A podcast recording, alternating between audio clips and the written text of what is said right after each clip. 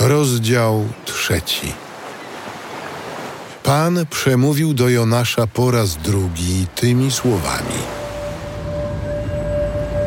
Wstań, idź do Niniwy, wielkiego miasta, i głoś jej upomnienie, które ja ci zlecam.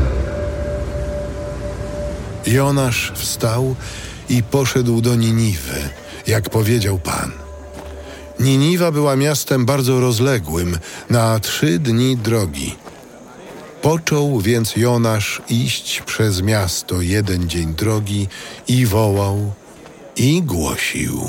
Jeszcze czterdzieści dni, a Niniwa zostanie zburzona. I uwierzyli mieszkańcy Niniwy Bogu, ogłosili post i przyoblekli się w wory, od najstarszego do najmłodszego. Doszła ta sprawa do króla Niniwy. Powstał więc z tronu, zdjął z siebie płaszcz, przyoblókł się w wór i usiadł na popiele. Z rozkazu króla i jego dostojników zarządzono i ogłoszono w Niniwie, co następuje.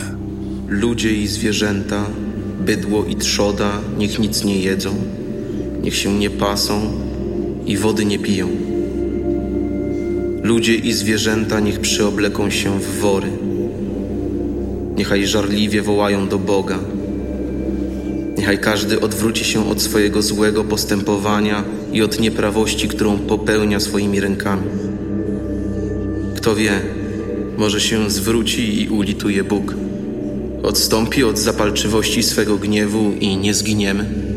Zobaczył Bóg ich czyny, że odwrócili się od złego postępowania i ulitował się Bóg nad niedolą, którą postanowił na nich sprowadzić i nie zesłał jej.